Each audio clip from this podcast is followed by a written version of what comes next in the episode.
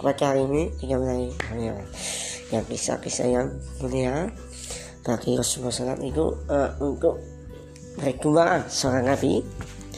Uh, dan semua itu mengekspresikan perjuangan negara bagi satu untuk semua dan uh, untuk selalu pertahankan kemerdekaan jadi itu